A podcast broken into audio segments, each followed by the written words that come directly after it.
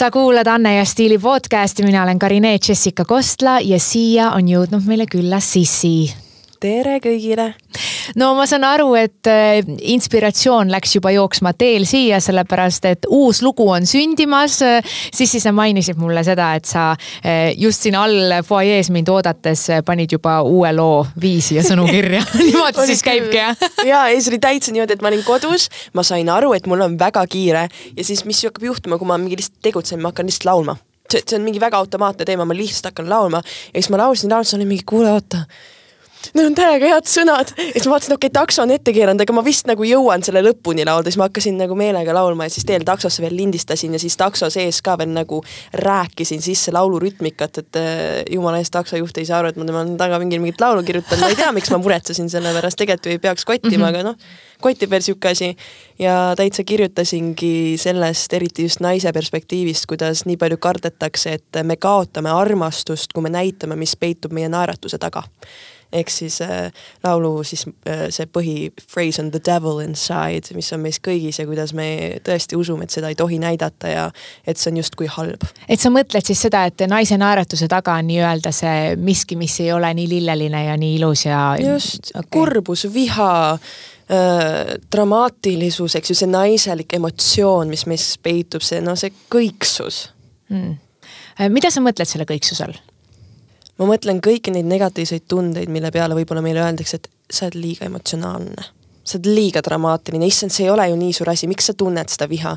ehk siis ma, viha ja valu on vist need põhilised teemad, mida kuidagi eh, mina isiklikult alati õppisin, et ma pean kuidagi õppima neid vaos hoidma no sa räägid praegu, et sa kirjutad sellest uut lugu, me juba tahame seda kuulda, nii mina kui ma arvan, et päris mitmed kuulajad, nüüd me vähemalt oskame seda ära tunda, sa siin paar fraasi ka avalikustasid, on ju, ja teema, aga. aga on üks lugu, mis on sulle praegu eriti südamelähedane ja sellega seoses saab kõigepealt öelda palju õnne, sest sa oled jõudnud Eesti Laulu finaali. Thank you. Ja see on juba varsti-varsti, mis tunded sind valdavad, ma näen, et sära tuli silmi jah, ma seda sära väga hästi peita ei oska enam. Uh, täiega hea tunne on. Või nagu ma täiega tahan Eurovisioonile minna, ma ei saa nagu öelda, et ma ei taha seda, ma väga tahan seda, ma olen unistanud Eurovisiooni lavast nii pikalt. ja just spetsiifiliselt mitte isegi Eurovisiooni võitmisest, vaid sellest Eurovisiooni lavast, sellest kogemusest, sellest kohast. midagi minus nagu magnet tõmbab selle mõtte poole. Ja see on muidugi, muidugi ka see, kust ma tean, et see mõte on õige minu jaoks, et pole vahet, palju ma olen üritanud seda unistust kusagile ära suunata, et no võib-olla ei ole mulle ja no kas ikka peab minema sinna, siis ta ringiga ikka tuleb tagasi. kas äh, see on olnud selline lapsepõlveunistus, et sinu isa on ikkagi ju äh, Eestile toonud selle võidu koos Tanel Padariga, kas on kuidagi lapsepõlves tekkinud, et ühel päeval teen mina ka seda? ei, sihukest asja mul ei ole olnud, pigem mm. see on see, et äh, vaatad perekonnaga Eurovisiooni lapsepõlvest saati iga jumala aasta näed seda rõõmu, näed seda kogemust, näed seda, kuidas sul on inimesed erinevatest riikidest, erinevate uskumustega, täiesti erinevad inimesed tõesti. ja nad on seal saalis kõik koos ja lihtsalt elavad kaasa muusikale, see ühendav jõud, mis muusikal on, on nagu rets.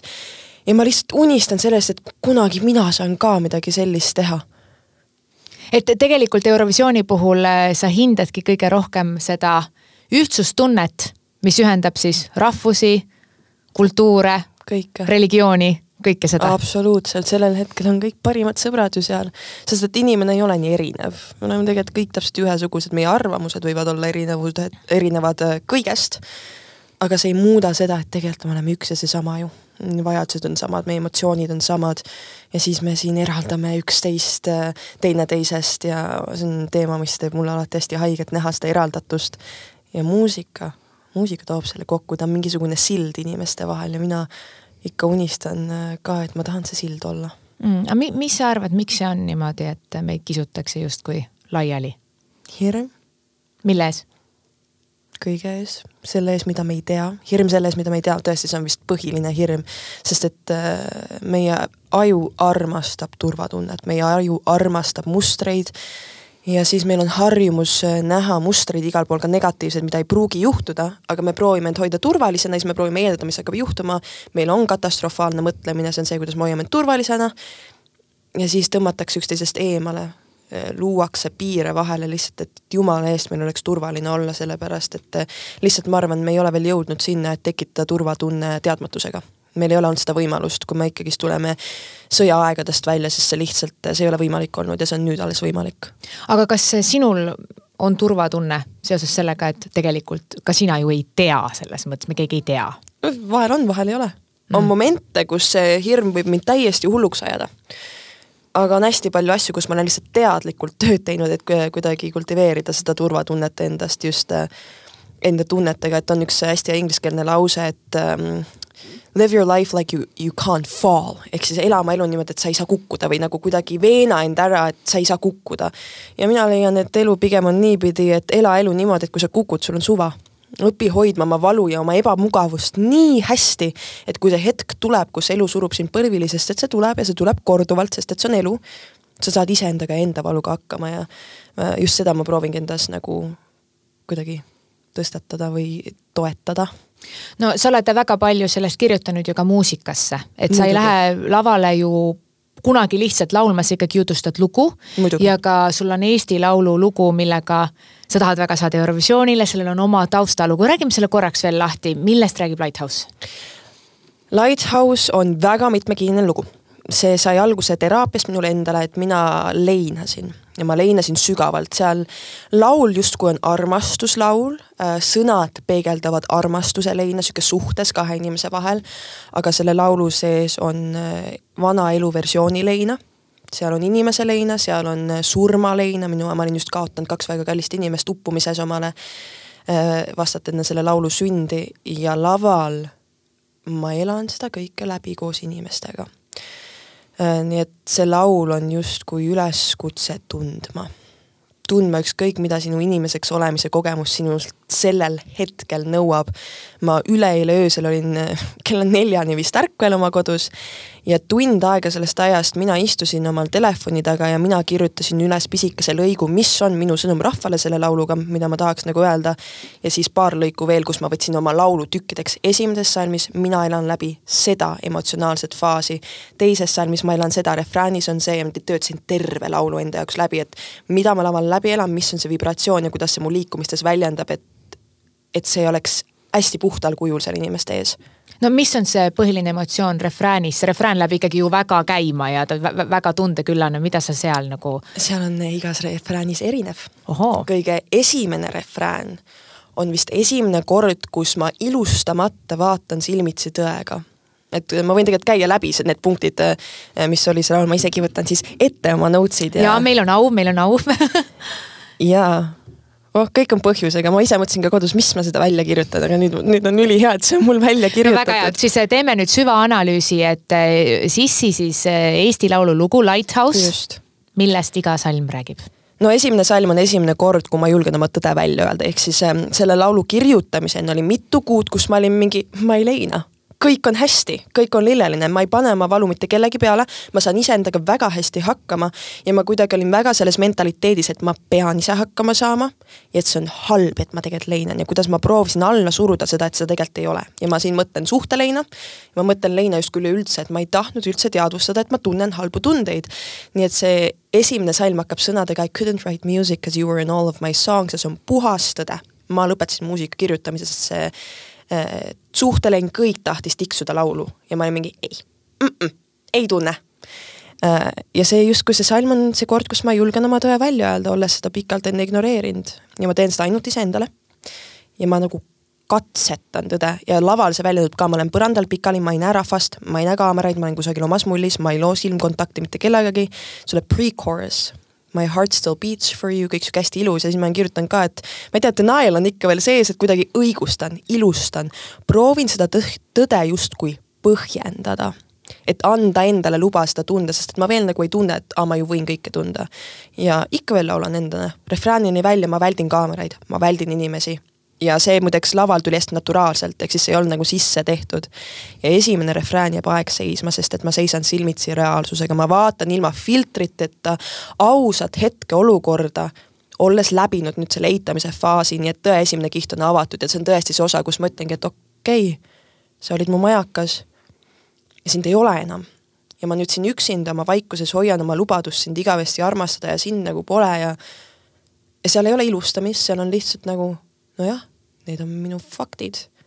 ja ma vaatan esimest korda televaatajale otsa ma julgen seda nagu näidata. teine salm hakkab ebamugavusega mul on hästi ebamugav. seal on palju piinlikkust oma tunnete ees, reaalsuse ees ja see ja selle piinlikkus ja piinlikkus, et ma olen alla surunud seda kõike ka veel. eks mul on piinlik näidata ja mul on piinlik ära, alla suruda, ta on kusagil mingi vahepealne ala, seda on näha, ma sihuke, ma vaatasin oma liikumist laval ka, sest et seal laval on kuidagi hästi kanaldatud liikumine lihtsalt puhtalt tuleb, et ma näen, et ma olen sihuke kuidagi sihuke, oh, ma ei tea, tahaks nagu ringutada ja pingutada ja no ei tule see asi sealt. ja ma justkui proovin end oma emotsioonide ja kõrvaliste asjade taha ära peita aga see ei tööta enam. ma olen ju tõe välja öelnud, ma tean, mis on päris, ma ei saa end ära peita. ja liikumine on ka sihuke transis ja alles siis, kui tuleb see salmi teine pool, äh, kus ma muutun vihaseks, sest viha on ju esimene valu kinnimatmise emotsioon, vot siis ma hakkan rahvakeele laulma ja ma olen kuri.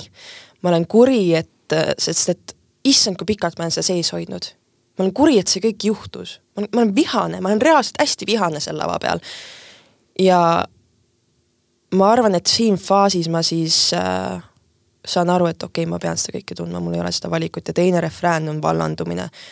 ma veel kardan seda tsunamit, mis minu sees on, aga ma hakkan seda tundma, ma laulan vabalt, ma laulan rahvale, ma näitan näpuga, ma olen väga hetkes olemas, ma tunnen kõike, ma ei hoia enam seda tagasi ja siis tuleb see, see bridge, kus ma siis keerutan ja lendlen mööda lava ja ma päriselt, ossa poiss, see oli laual ka, see oli reaalne plahvatus, ma seal lava peal lihtsalt, ma unustasin ära, et mind vaadatakse täielikult mm., ma olin nii selles teekonnas, selles emotsioonis sees, et ma tõesti keerlesin seal ja siis mingi hetk sain aru, et oota, ma pean sügavalt hakkama hingama, siis ma mingi uh, lava peal hingan sügavalt, siis ma sain aru, et ma pean kohe kõrget pikka nooti hoidma ja siis valmistusin selleks, eks, et see oligi sihuke fuck it moment. las kõik tuleb välja, mul ei ole põhjust mitte midagi kinni hoida, mul ei ole põhjust ilus olla. ma olen lihtsalt inimene. ja siis tuleb see vaikne refrään seal lõpus ja vot see on aktsepteerimine, see on väsimus. seal on ma olen just läbinud ju nii intensiivse elukogemuse. ja mul jõud on lihtsalt läinud, alles on ausus ja alles on valu väga puhtas versioonis ja seal on üks hetk, kus ma paitan kaamerat. ja see on minu viis näidata ka vaata, armastus võib ka koos valuga ikka veel alles olla. see armastus ja see õrnus, ta ei kao kusagile. ma tänan elu selle õppetunni eest siis tuleb viimane refrään ja see on puhas integratsioon. see on otsade kokkutõmbamine, et saaks eluga edasi minna, seal on vabastus, seal on suhtlus, seal on mingit määral normaliseerumine, ma nüüd toon selle emotsiooni endaga elusse kaasa ja ja ma lõpetan seal väga tugevalt, väga omas jõus, ma vaatan otse rahvasse ja seal on valu, aga seal on ka mingisugune lootus silmades just. et see on selle laulu lugu, ma olen võtnud niisuguse mitme kuude pikkuse protsessi, mis muidu võtab nädalaid ja kuid ja ma kuidagi olen sellest surunud kolme minutisse ja siis ma ise elan selle seal laval ka kolme minutiga alati läbi kas see ei ole väsitav? ei. ta on, muidugi ta on väsitav, sa tuled maha ja sa oled mingi vau wow., aga ta ei ole sedasorti väsimus, et ta kuidagi takistaks või ta on see samasugune väsimus, et sa oled tööl olnud terve päev, sa oled koju, sa oled väsinud ja järgmine päev sa lähed uuesti tööle. et see, see väsimus taastub ära, see on pigem midagi, milleks ma tunnen, et ma olen sündinud. ehk siis justkui tegelikult sa ju seal lava peal käid sedasama teekonda ju uuesti läbi, seda mm -hmm. valusat teekonda sa mainisid ka seda mitmel korral juba, et äh, ja ka kohe alguses äh, alguses mainisid seda küll naiste kontekstis, aga tegelikult ju inimesed üleüldiselt, et me surume sellist viha ja kurbust alla. muidugi. aga ühes intervjuus sa ütlesid ka, et seda te teevad inimesed sellepärast, et neil on piinlik, neil on piinlik, kui keegi näeb, et sa oled kurb või nutad või, või. see võib olla piinlikkus, ma leian jälle, et hirm on suur motivaator, võib-olla sul on olnud perekond, kes kuidagi on karistanud sind tundmise eest, mine teisse tuppa, ära räägi, karjutakse mm. võib-olla isegi peale või öeldakse sulle, et sa ei tohi neid tunda. Ja see on väga suuresti sellepärast, et eh, mitte keegi ei saa sinu valu aktsepteerida, juhul kui ta ei ole enda oma aktsepteerinud, see ei ole isiklik. kui keegi sinu valu ei suuda näha, ei suuda sellega olemas olla, ta ei oska ka iseenda omaga olla. Ja kui ta oskab enda omaga olla, siis ta ütleks sulle, et mul ei ole praegust näiteks ruumi, energiat selle jaoks, ta annab sulle teada, et sinus ei ole probleemi, nii et meile õpetatakse noorest peast, see on niisugune suur noh, niisugune tsükkel, eks ju mm. -hmm. ma ei oska, mistõttu ma tekitan sinus tunde, et sa oled vale. ja siis sina tekitad teistes sedasama tunnet. tsükkel okay., mis toidab iseennast ja siis me ei julgegi neid näidata. et kes, kellele öeldakse, et ta on liiga emotsionaalne kellele lihtsalt ei näidata, kuidas toime tulla sellega, siis inimesed hakkavad tundma, et nad upuvad oma tunnete alla ja lapsena eriti, kui sul ei ole veel õigeid tööriistu, et selle emotsiooniga tegeleda, siis sa võib-olla leiad mingi coping mekanisme mis mm. võib-olla tervislikumad, aga hoiavad sind turvalisena, ehk siis ta on niisugune jälle, et seal on nagu palju vastuseid, miks me surume alla oma emotsioone, et ma isegi, ma, mis ma puudutasin kolm vastust, aga ega neid on rohkem mm. -hmm. no sa rääkisid praegu, et sa oled analüüsinud täiesti nii-öelda nagu juppideks lahti võtnud oma loo. mis on veel see muudatus, ja kas on mingit muudatust nüüd finaalis, kui näeme seda Lighthouse'i uuesti, kas sa plaanid midagi muuta? Ma arvan, et ma julgen veel vabam olla, seal laval olles ma ei ole kunagi vist niimoodi esinenud, et ma lähen nii toorelt kuidagi lavale, et no lihtsalt no täiega tunnen neid tsükleid ja faase teiste inimeste ees veel. nii et ma arvan, et seda on rohkem mingisugust vabadust tunda ja selle kõige keskel, millega ma pean tööd tegema, on puhtalt tehnika, laulmise tehnika. Pikali olles on teistsugune laulda kui püsti olles mm -hmm. ja oi, ma tundsin seda seal laval, et oi, ei taha paika minna liikudes laulda mingeid madalaid noote, mida ma olen harjutanud paigal olles, täiesti teine asi, ehk siis mul on puhtalt hääleseadja ja lihtsalt kuidas ma saan puhtalt laulda, kuidas ma saan niimoodi laulda, et ma võin end sinna emotsiooni ära kaotada ja minu laulmine ei kannata sellega, mida ma tundsin, et ta veidikene tegi.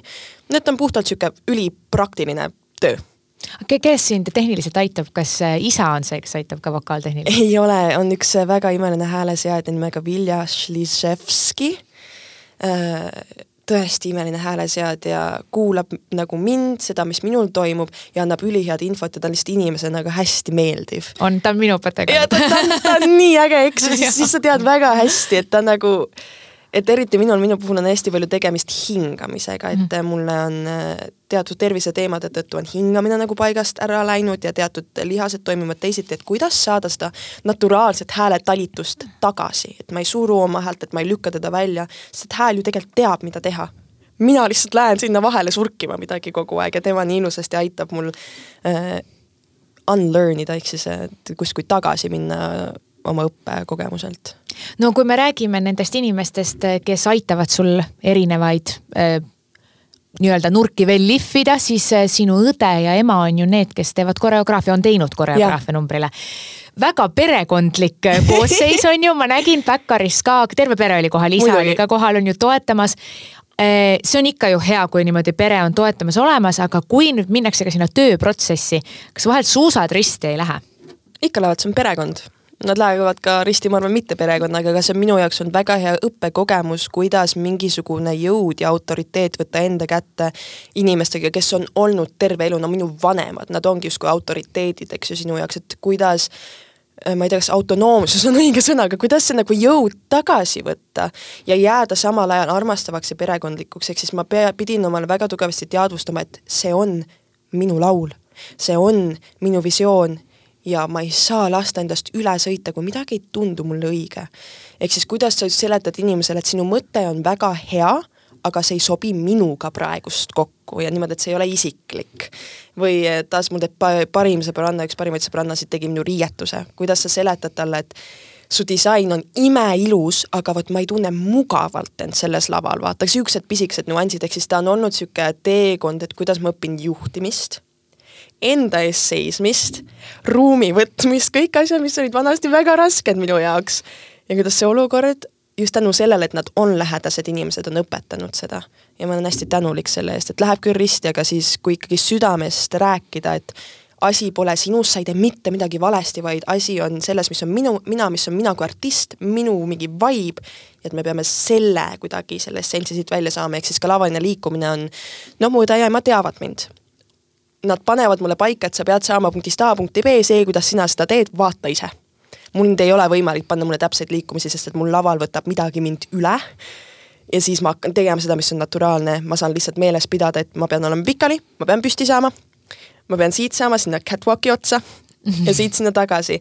ja see lavashow on niimoodi üles ehitatud, et nad justkui vaatavad, mida ma naturaalselt teen ja siis on mingi okei okay,, nüüd teeme seda meelega ja paneme siia selle, selle, selle juurde, et ta sobib selle eelmise asjaga kokku hästi ilus koostöö, sellepärast tegelikult ma teengi nendega koostööd, mitte sest, et nad on mu perekond, vaid sest, et nad on väga head selles, mida nad teevad, et kuidas luua lavaline show ja kontsept, mis näeb hea välja, aga samaaegselt haakub minu kui inimesega.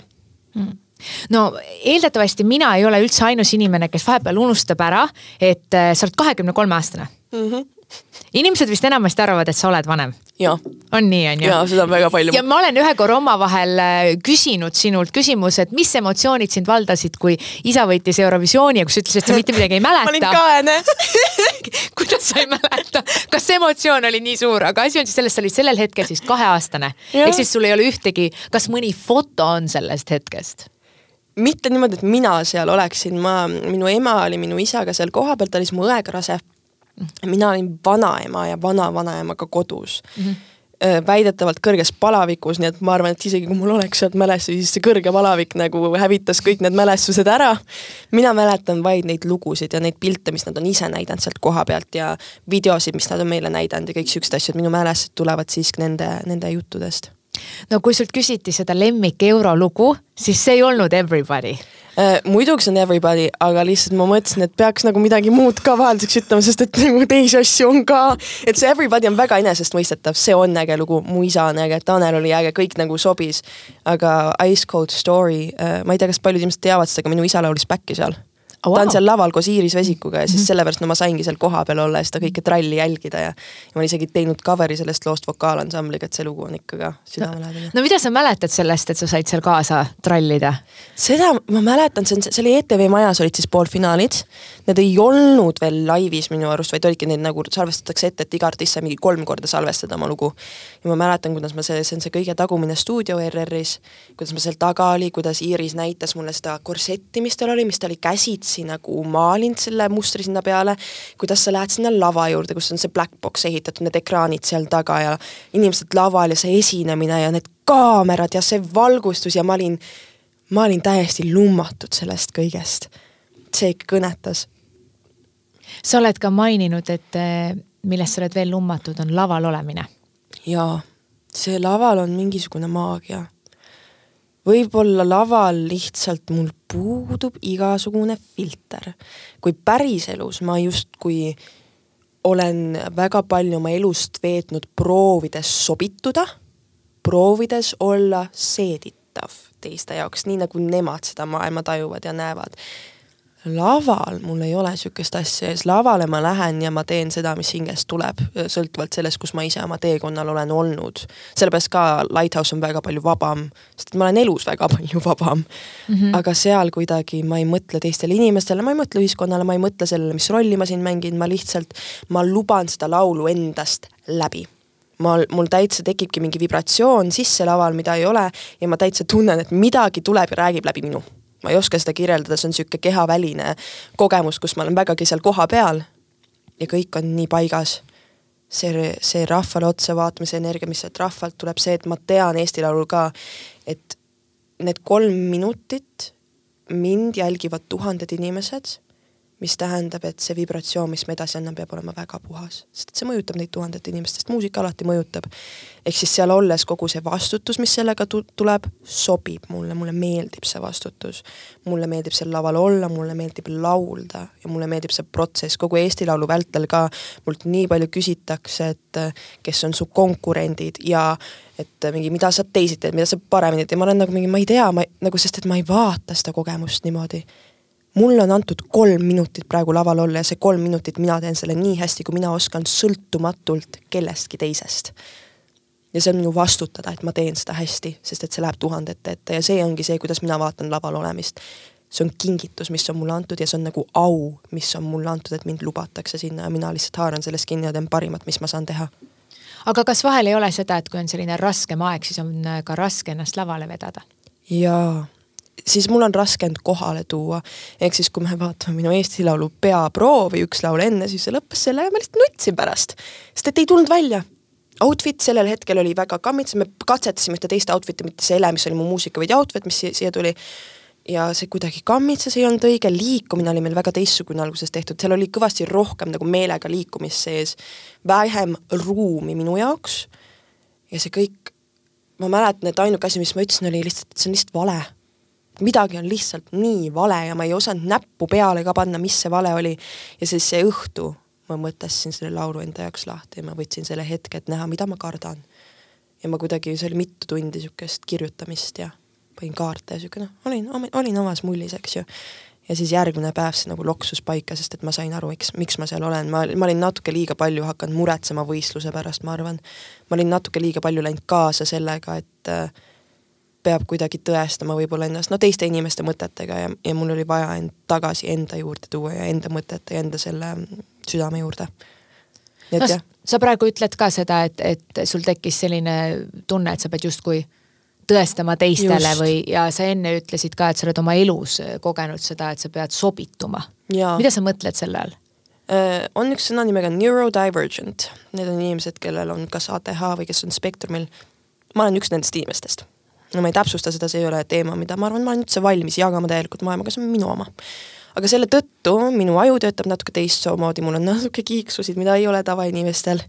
Äh, ma näiteks õppisin silma vaatamist Youtube'i videodest, kui ma olin noor. Youtube'i videod, kus sul vaatavad inimesed otse kaamerasse ja minu ülesanne on lihtsalt vaadata silma, sest et muidu ma ei oskaks inimestele silma vaadata. ma olen õppinud small talk'i, ma olen õppinud pähe teemasid, hästi palju asju, mis mul ei tule naturaalselt. Ma justkui tundsin, et aga ma pean ka sihuke olema, ma sellele muidugi ei teadnud, et ma olen võib-olla veits teistsugune. ja nii palju on olnud seda, kus ma tunnen, et, et aa, see, mis ma olen, on vale vot ma tean väga hästi, et see ei ole enam niimoodi, kõik, mis mul on, on põhjusega ja see on tegelikult supervõime on. aga ikka kuidagi tunnen, et peaks sobituma, sest et äh, siis keegi ei kiusa, siis ma ei saa haiget, eks ju, et kuna mul on olnud siin nii füüsilist kui mentaalset vägivalda minevikus, siis ma kuidagi leidsin, et kõige kindlam viis, kuidas mina end saan hoida turvalisena, on olla nagu teised. olla kuidagi nii meeldiv, et keegi ei taha mulle haiget teha ja see väga tihti tähendas minu enda vajaduste ja minu enda emotsioonide ignoreerimist tuimalt. ja vot sellest ma olengi nüüd nagu välja tulnud tugevasti ja siiani tulen ja hea meelega tulen, teen seda tööd äh, kõige suurema rõõmuga ja armastusega ja pingega mm.. no sa oled varasemalt ka väga avameelselt tegelikult rääkinud, et äh, sa tead ka, mis on koolikiusamine. ja sa tead ka seda tulemit, et tegelikult sul ühel hetkel ka see väljendus äh, füüsiliselt ikkagi mm -hmm. terviserikete näol, eks ole.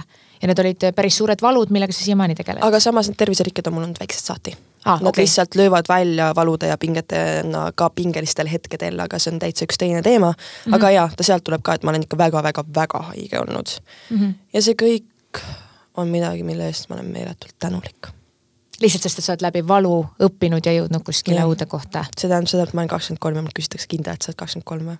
selle, selles mõttes, et ma olen tänulik, sest et ta pani mind õppima, ta pani mind endale otsa vaatama, ta pani mind küsitlema ja ta pani mind mõistma ta pani mind mõistma ennast ja teisi inimesi, on väga vähe asju siin maailmas, milleks, mida ma ei ole võimeline mõistma, ma arvan. ja ma olen tänulik selle eest, ma olen tänulik selle empaatiavõime eest, mis mul on iseenda suunas nüüd. aga kas see tähendab seda, et sa tegelikult tänasel päeval suudad mõista ka neid inimesi, kes on sulle haiget teinud? absoluutselt. kuidas, kuidas, ma arvan, et paljud kuulajad praegu on, mis mõttes? no, mitte keegi ei tee haiget haiget tegemise pärast, juhul kui tal ei ole mingit psühholoogilist häiret, ma arvan, see on teine teema, ma ei oska rääkida kaasajast teemadel nagu nartsissism, psühhopaat ja kõik siuksed teemad, vot see on eraldi teema. ma praegu seda teemat ei puuduta mm. -hmm. aga hurt people hurt people, inimesed, kes on ise haiget saanud, lähevad, teevad haiget. ja ma leian, et ma tean faktina, et minu kiusajal olid kodus päris rasked ajad, nüüd ma tean seda. mina ei osanud enda eest seista mina ei teinud ka seda, ma ei julgenud seda teha ja minu peal ta elas seda viha välja. ja kuigi see, mis ta tegi, ei olnud õige, mitte ühestki otsast, siis tal ei ole minu poolt viha selle vastu. tähendab, ma saan aru, miks see juhtus, aga ma olen, see ongi, et kaks tõde on korraga tõesed. ma võin olla andestanud, ma võin olla lahti lasknud ja samaaegselt teadvustada, et see ei olnud õige. andeks andmine ei tähenda seda, et ma õigustan selle inimese käitumise ära andestamine on midagi, mida ma teen täielikult ja absoluutselt iseenda jaoks, et minu sees oleks rahu. ja samamoodi, et lasteaias äh, oli üks kasvataja, kes väärkohtles mind samamoodi. midagi seal pidi valesti olema, mingi, tal pidi mingi valu midagi olema, sest mitte keegi ei lähe väiksele lapsele muidu haiget tegema. igal pool on midagi vahel mm.. ja nagu ma ütlesin enne, see ei, see ei tähenda, et see on okei okay.. aga see tähendab, et mina seda valu endaga kaasas ei kanna. ja selles mõttes ma saan aru ma saan aru, kõige taga on midagi, üheksakümmend üheksa protsenti asjadest, mis minuga juhtuvad, ei ole isiklikud.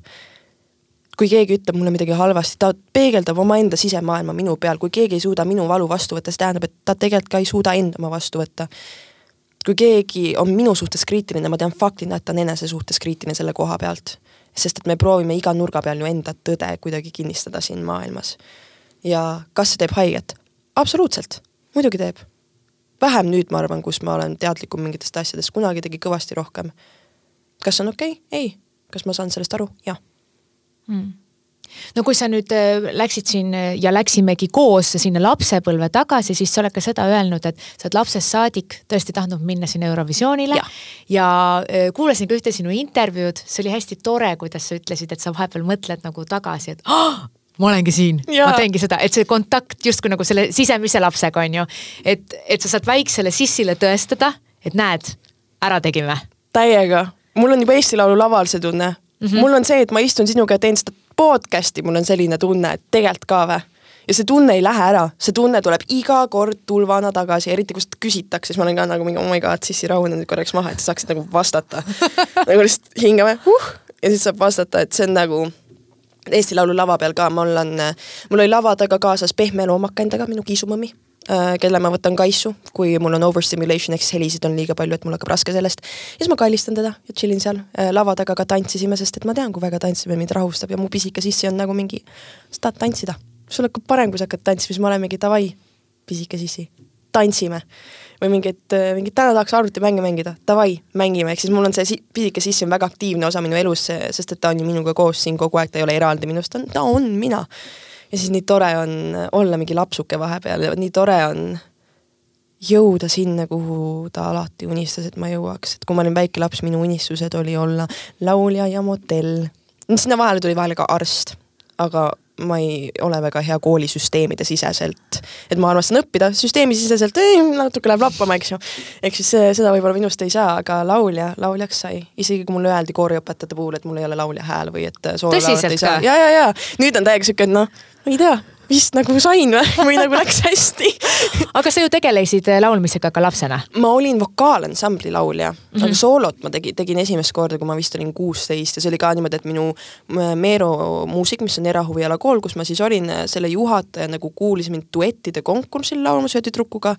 ta oligi nagu mingi, kuule sul on päris äge hääl ja minu ema võttis reaalselt palgakõrgenduse asemel siis mulle laulutunnid sinna, mille eest ma olen siiani nii tänulik, ma sain Mirjam Tede käe all õppida, kes on meeletult hea õpetaja ja et sealt nagu kuidagi see sooloteekond ka nagu hakkas minu jaoks, aga sinnani ma nagu soolot ei olnud üldse teinud.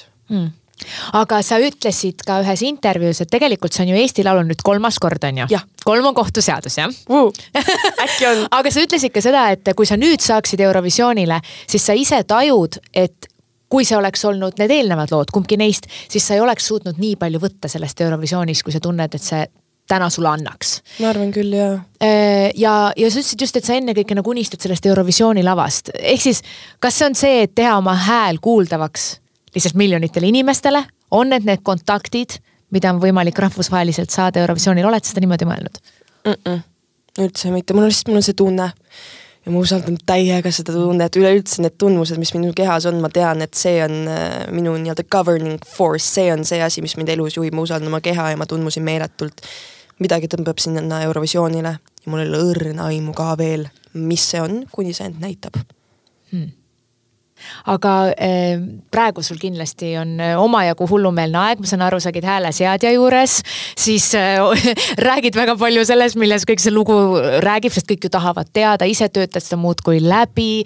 kõikvõimalikud proovid, kostüümiproovid, noh ko kostüümiga oli ka ju see, et sinul ja Aalikal olid ühesugused riided, kas finaalis muutub midagi moel lempelistele mm.?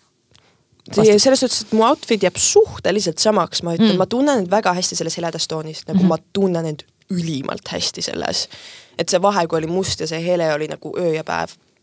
nagu sa näed, ma praegu olen ka siukestes yeah. neutraalsetes heledates toonides, eks ju.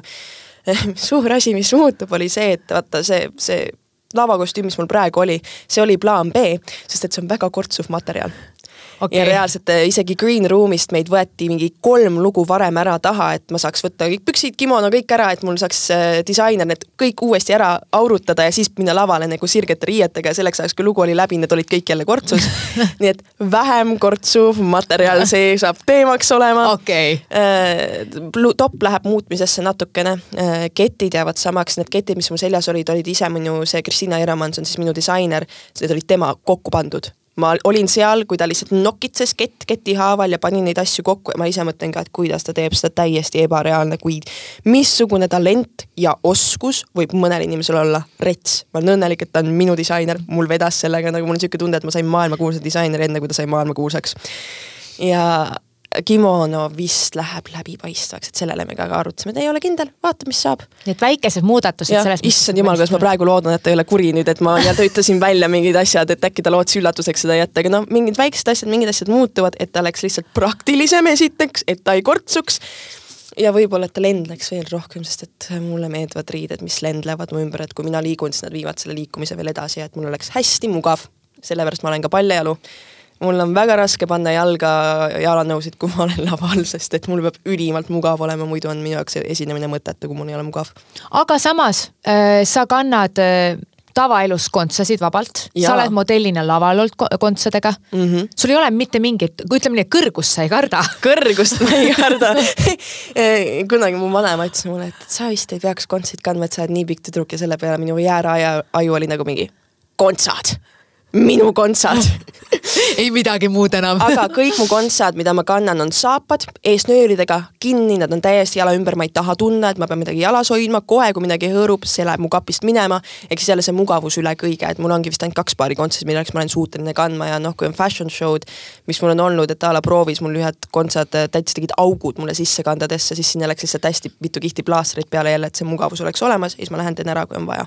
Hmm. aga minu enda isiklikud esinemised, ainult mina mugavus aga kui me räägime sissist üleüldiselt ja sissi garderoobist, sa juba mainisid ühte maailmakuulsat disainerit, kes on sinu lemmik, enne kui temast on veel maailmakuulus disainer saanud.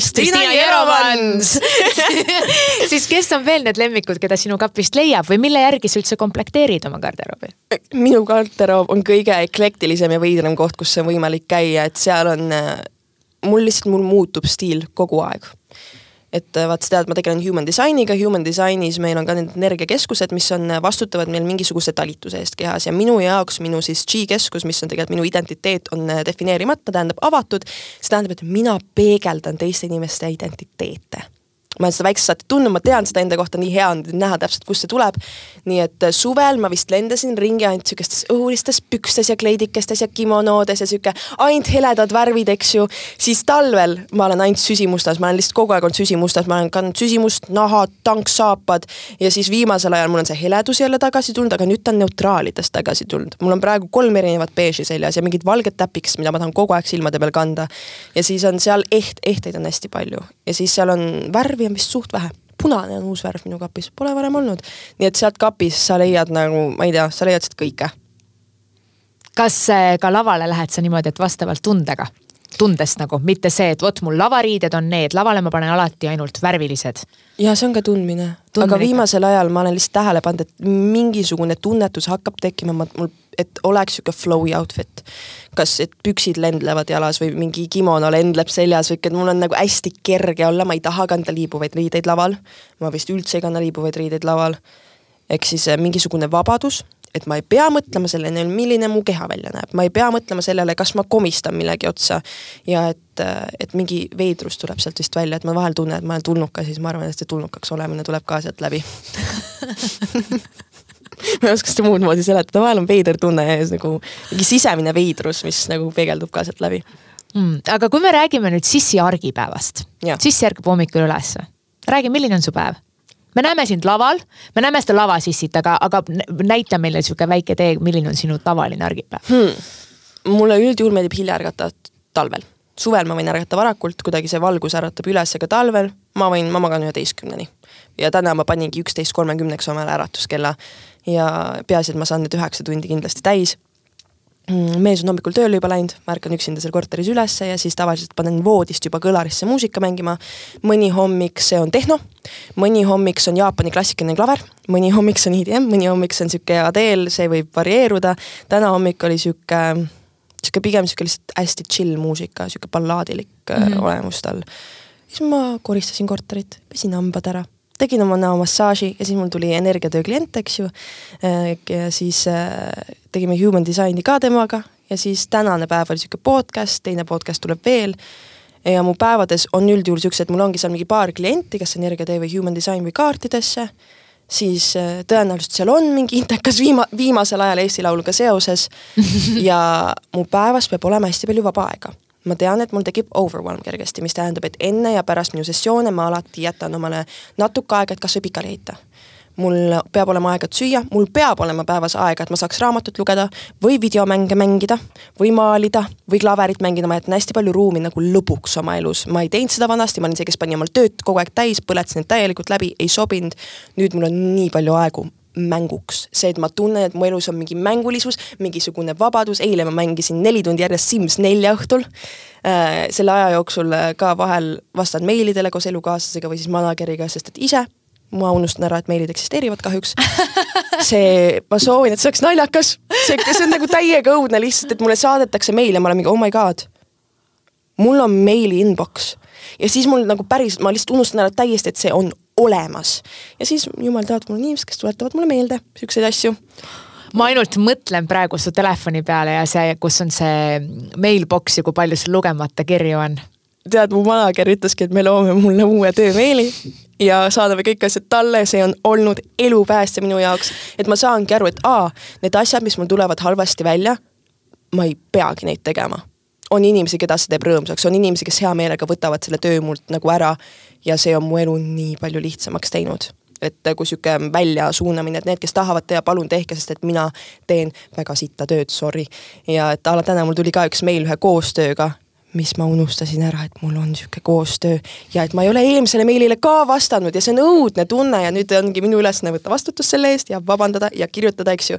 eks ma olen õnnelik, et mul on nüüd abilised, kes aitavad mul hoida seal peal, ehk siis jaa, minu päev on väga muutlik, väga spontaanne, ainuke asi, mis ongi kindlad, on äh, kliendid, kes mul seal päevas on või siuksed intervjuu teemad, äh, koostööd, need on mul kindlalt seal sees minu kalender on minu piibel põhimõtteliselt, ma elan oma kalendriga, mul on värvidega ära kodeeritud kõik, mis ma pean tegema seal. ja hästi palju ruumi sõpradeks, hästi palju ruumi mänguks, hästi palju ruumi üksinda olemiseks, mul on üksinda olemine on minu jaoks äh, väga oluline äh, nii et jah, sihuke on sihuke kunstiline, väga voolav päev, mul puudub äh, struktuur elus, sest et struktuur lükkab minu energia täiesti kinni aga see on väga huvitav, et sa mainisid, et sa oled varasemalt olnud hästi selline, et sa oled ka pannud noh, tegelikult nagu oma päeva täis erinevaid Joo. asju, mida peab tegema, kohtumisi. ja praegu ma näen, sa räägid nagu see on kõige loomulikum osa sinust, et mul on aeg äh, mänguks, mul on aeg sõpradega koos olemiseks, mul on aeg seda ja, ja kõige selle juures ma saan veel aru, et see ei ole sul äh, tehtud niimoodi, et vot neli tundi ma teen seda ja nüüd neli tundi ma teen seda, sest ma saan aru, struktuur piiritleb sind mm. -hmm. sa põhimõtteliselt voolad sealt läbi. kuidas see muutus on niimoodi toimunud, et sul pole tekkinud sellist äh, appi, ma tegelikult jõuaksin ju need asjad täna ka ära teha? ma arvan, et samm sammu haaval, see ei ole olnud üleöine muutus, see on olnud esimene muutus, see äh, teadmise elamine, et minu väärtus ei sõltu sellest, kui palju ma teen ehk siis selle, see oli mingi mõte, mis mind alati nagu saatis elus ja see ei ole tõsi, mitte kellegi väärtus ei sõltu sellest, kui palju ta teeb, sinu väärtus on juba tuhat protsenti, sa oled imeline, sa ei pea end tõestama, aga vot see tõestamine, see on meil jälle ühiskonnast, eks ju, tuleb sisse see teema ja ka human design'ist üle kaheksakümne protsendist inimestel on avatud südamekeskus, mis tähendab, et enesetõestusvajadus on hästi tugev. see tuleb meil väljapoolsest survest väga tugevasti ja me võtame sisse ja võimendame seda. ehk siis justkui sellest sihuke ümberkodeerimine, selle mõtteviisi ümberkodeerimine oli väga suur samm. ja siis hakkab pihta see kõige ebamugavam osa, ei ütlemine, uh, kui rastik on ei öelda inimestele alguses, kui sa alustad sellega, kogu aeg on tunne, et ma peaks ju ära põhjendama, miks ma ei saa teha, sellepärast et see, et ma ei taha või see, et ma olen väsinud, nagu ei ole piisav põhjus. aga siis mingi hetk oligi, et äh, mingi hetk ma hakkasin inimestele ütlema, et aa, ma olen kinni, kui mul on aeg, mis ma tahtsin iseendale võtta ja ma ei öelnud, et see on mulle, ma alustan sellest, et ma olen kinni sel hetkel, mul on teine asi, siis ma jätsin selle avatud enda jaoks, nüüd ma lihtsalt ütlengi, et see on minu aeg. nüüd ma ütlen inimestele, et sa väärid minust sada protsenti, ma olen nii väsinud, et sadat protsenti sa minust ei saa. nii et teeme mingi teisel ajal. nüüd on ausus tulnud sinna vahele, aga see algas justkui sihuke suist nagu, ma ei tea, see ei ole valetamine, aga nagu ei taha nagu öelda, et nagu minu aeg. ja siis äh, see tuli sellest, et ma hakkasin katsetama ja ma nägin, et aa kui ma magan vähem kui üheksa tundi, siis mul on süda pahamikuti, kui ma magan rohkem kui üheksa tundi, mul on hea olla. ma pean panema une prioriteediks, see oli nagu füüsiline vajadus. siis läks selleks, et aa, et kui mul on asjade vahel rohkem aega, mu ärevus on väiksem, pinge on väiksem, helid ei tee haiget, valgusega on kergem kuidagi toime tulla äh,. hakkasin, no okei okay,, et ma pean puhveraega hakkama seadma omale et see tuli kõik sihukesest nagu katsetamisest. et üks päev ma lähen sellele ebamugavusele, ebamugavusele vastu ja teen asju teisiti näen, et see toimib ja siis hakkan tegema, et see on, kõik on konstantne katsetus minu elus, ma leian, sest et eh, kuidas ma peaks teadma, kui ma ei õpi.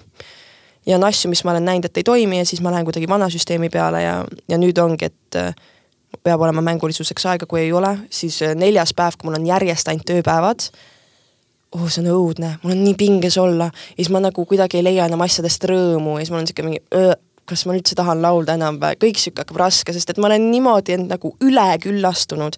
ehk siis, et mina leiaksin elust rõõmu, mul peab seal olema asju, mis teevad mulle rõõmu ja ma ei tohi ka tekitada endale seda hetke, kus mul on nii palju neid asju, et nende tegemine on stress nüüd minu jaoks. sa mainisid seda ei ütlemist mm. -hmm ja seda ka, et ühel hetkel sa jõudsid äh, sellisesse kohta, et sa julgesid ka sõpradele öelda ei mm. -hmm. ja sa julgesid ka öelda näiteks, et äh, sa väärid minust sadat protsenti, mul ei ole täna seda anda. ma usun, praegu spekuleerin et Spekuleeri. võivad olla ümber inimesed, kes nagu mõistavad ja austavad seda, aga see võib äkki tekitada ka mingit konflikti või solvumist, kas sa sellist asja ka kogesid? kui ma alustasin seda ei ütlemise teekonda justkui või noh, the adventure of saying no ma pean enda jaoks huvitavaks muutma siuksed asjad või ma ei tee neid mm., nimede panemine aitab um, siis oli mu elust lahkus inimesi seal mhm. oli suhteid, mis läksid eri teed pidi ja neid oli ikka päris palju. ja mul oli täitsa faas, kus mul nagu kuid ei olnud lähedasi inimesi, sest et mina tegin enda sees nii fundamentaalset muutust tegelikkuses ju. ma hakkasin iseendast panema esikohale, ma hakkasin ruumi võtma. oli inimesi, kes ei tee seda, kes ei, ja kes ei aktsepteeri seda minust, sest et nad ise ka ei tee seda.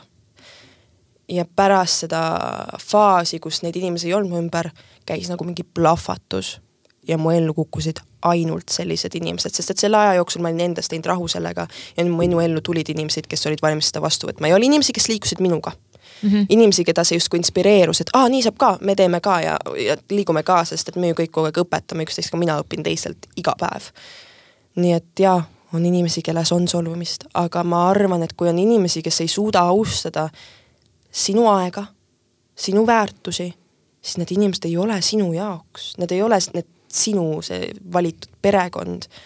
sest et äh, õiged inimesed austavad sind, et nüüd, kui ma ütlen ei, mul on sõbrannasid elus, kes ütlevad mulle, muideks ma olen sulle üle nii uhke, et sa praegu ütlesid mulle, mida sa päriselt tundsid, oh my god, kui tubli sa oled, või kui ma ütlen mingit vajadust, mul oli just üks naisteõhtu, kus ma õppisin human design ja ma ütlesin, kuulge, pange see äädikakarp kinni, mulle see lõhn on õudne mu jaoks. ja ta ütles mulle, issand, kui imeline, et sa praegu ütlesid mulle oma vajadust ja siis ma olen kohe mingi, uh, nii hea on kuulda niisugust asja, sest et vahel ikka kardad vajadusi öelda. nii et jaa, tea, et äh, sellel teekonnal inimesed lähevad ja inimesed tulevad. Aga see koht, kus need inimesed lähevad, et väga tihti ju see ei ei tähenda ju seda, et, et olekski midagi juhtunud või et sa tahaks kedagi kuidagi üle parda visata ja, ja, ja, ja sellel hetkel, kui sind justkui nagu noh, jäetakse, kõlab valesti, sest et tegelikult see inimene tunneb, et justkui sina teda jätsid. jah, et tegelikult see on ju ka kurb see on täiega kurb, see on omaette lein, ega Lighthouse'is on ka seda leina sees. sõprused, sõbrad, keda sa kutsud perekonnaks. see on väga valus, kui nad kaovad. sellepärast, et see võib väga lihtsasti visata sind ka sinna mõttesse, et aa, ma teen midagi valesti, ma tegelikult ei tohi endale ruumi võtta. ja siis me jääme nendesse suhetesse. aga lõppkokkuvõttes nemad ei tee mitte midagi valesti ja sina ei tee mitte midagi valesti, teie, väärtused lähevad nüüd lahku te lihtsalt te muutute erinevateks inimesteks, teie eluteed, nad ei kõnni enam kõrvuti. eks kui on väiksed solvumised, siis on kommunikatsioon.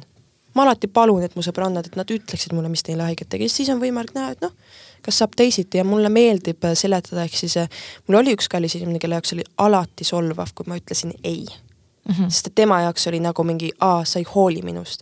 ja temaga ma hakkasingi seletama, ma ütlesin ei, kujuta ette, et ma tulen ja ma olen nüüd väsinud ja no ma võin sind kuulata, aga no ma väga palju kaasa ei räägi, mitte mingit toetust sa minult ei saa. ega see sinu jaoks ka tore ju praegu ei ole ja siis ta oli mingi, tegelikult sul on täiega õigus. ja sellest ajast saate tegelikult tema hakkas ka ei ütlema vahel sest et mina ka ei taha, et sõbrannad on minuga, kui nad tunnevad tegelikult südamest, et nad tahaksid kodus puhata, ma nii väga tahan, et nad võtaksid selle puhkepausi omale ja paneksid ennast ka esikohale. ehk siis see on ka, see on mingisugune, see on nagu tasakaalumäng. et äh, millal ma lähen välja, millal ma jään sisse, millal ma ütlen ei, millal ma ütlen, et ma olen väsinud, aga vot ma tunnen, et ma tahan välja tulla, aga täna ma olen vaiksem, mul on ka seda hästi palju, et ma olen täiega väsinud. ja ma lihtsalt ütlengi oma sõbrannadele, et no ma võin tulla, aga arvestage nagu, et ma olen võib-olla nurgakeses. ma mingi joon teed siin vahepeal, siis tulevad mingid krooksud ülesse. et ma olen mingi soomas mullis, ma täiega kuulan ma ei jaksa nagu sõnagi rääkida, ma ei, ma ei jaksa nagu panustada sotsiaalsesse olukorda, nad on mingi davai, tule vaata. et ausus, ausus aitab alati ausus aitab nagu täiega mm. -hmm. nii et isegi kui see ausus on äh, valus, siis see on ikkagi parem kui mitte aus olla. absoluutselt, sest ma leian, et vot sealt hakkavad tulema sisse päriselt haiged saamised ja solvumised. kui sa valetad, sest et tõde tuleb alati välja ja pluss inimesed saavad aru, kui sa valetad, tõel on mingi spetsiifiline vibratsioon ja valel on spetsiifiline vibratsioon. Sa saad aru, kui inimene valetab sulle, isegi kui see on väike vale, sest et sus tekib see mingi tunne, see, et hmm, ma ei tea, midagi on nagu off, midagi kusagil on off. usaldage seda tunnet alati ja sellepärast mina ka elan oma elu selle järgi, et iga asi, mis ma ütlen, iga asi, mis ma teen, iga asi, mis ma mõtlen, peavad olema ühes joones, nad peavad olema sama asi. see on minu elu teinud lihtsamaks ja ma loodan, et teinud lihtsamaks inimeste elu minu ümber mm kui me juba räägime siin suhetest, sa oled öelnud ühe väga hea lause ja see lause on selline, mida võib-olla kõik kahekümne kolme aastased veel ei ütle. kui rääkida sellest, et kas sa päriselt oled kakskümmend kolm, siis eh,. kas see on meie podcast'i pealkiri kui sa seda tahad, aga eh, sa oled öelnud sellise lause, et sa oled aru saanud eh, siis romantiliste suhete näol, et sa tead nüüd täpselt, mida sa ei taha suhtes. jaa ma tean seda, et ma ei taha enda alla suruda. Mm.. ma tean seda, et ma ei taha suhet, kus minu jaoks ei ole ruumi. ma tean, et ma ei taha seda, kui mind tehakse maha, ma tean, et äh, ma ei taha seda, et inimene kardab ennast väljendada, ma tahan inimest, kes julgeb ka ennast väljendada või on valmis tööd tegema selle kallal, et ka ennast mulle väljendada, sest et mina ka ei ole mõtete lugeja, täpselt nagu ma ei taha, et minu partner on minu mõtete lugeja. eks kõik siuksed mingid väiksed asjad, et mul on nagu mingisugune arusaam, et aa, seda suhet, vot seda, mis mul seal oli, seal ei olnud midagi viga. see lihtsalt ei ole see, mida ma tahan. ja mm. nüüd ma julgen lihtsalt luua rohkem seda, mida ma tahan. ja sa tahad Eurovisioonile minna? ja ma tahan Eurovisioonile minna ja sa oled loonud selle jaoks juba omajagu ja meil on hea meel tõesti, et sa oled sammukese sellele ka lähemale astunud. üksteist veebruar on see päev, kui on Eesti Laulu finaal. palun hääletage minu poolt, aitäh ja meie ütleme ka sulle aitäh, Sissi, et sa oma mõtteid meiega jagasid ja andsid selle eksklusiivse võimaluse meile, et me teame nüüd, mis on iga Lighthouse'i komakoha taga. täpselt. me vaatame selle pilguga ja hoiame sulle väga pöialt. aitäh. ja aitäh sulle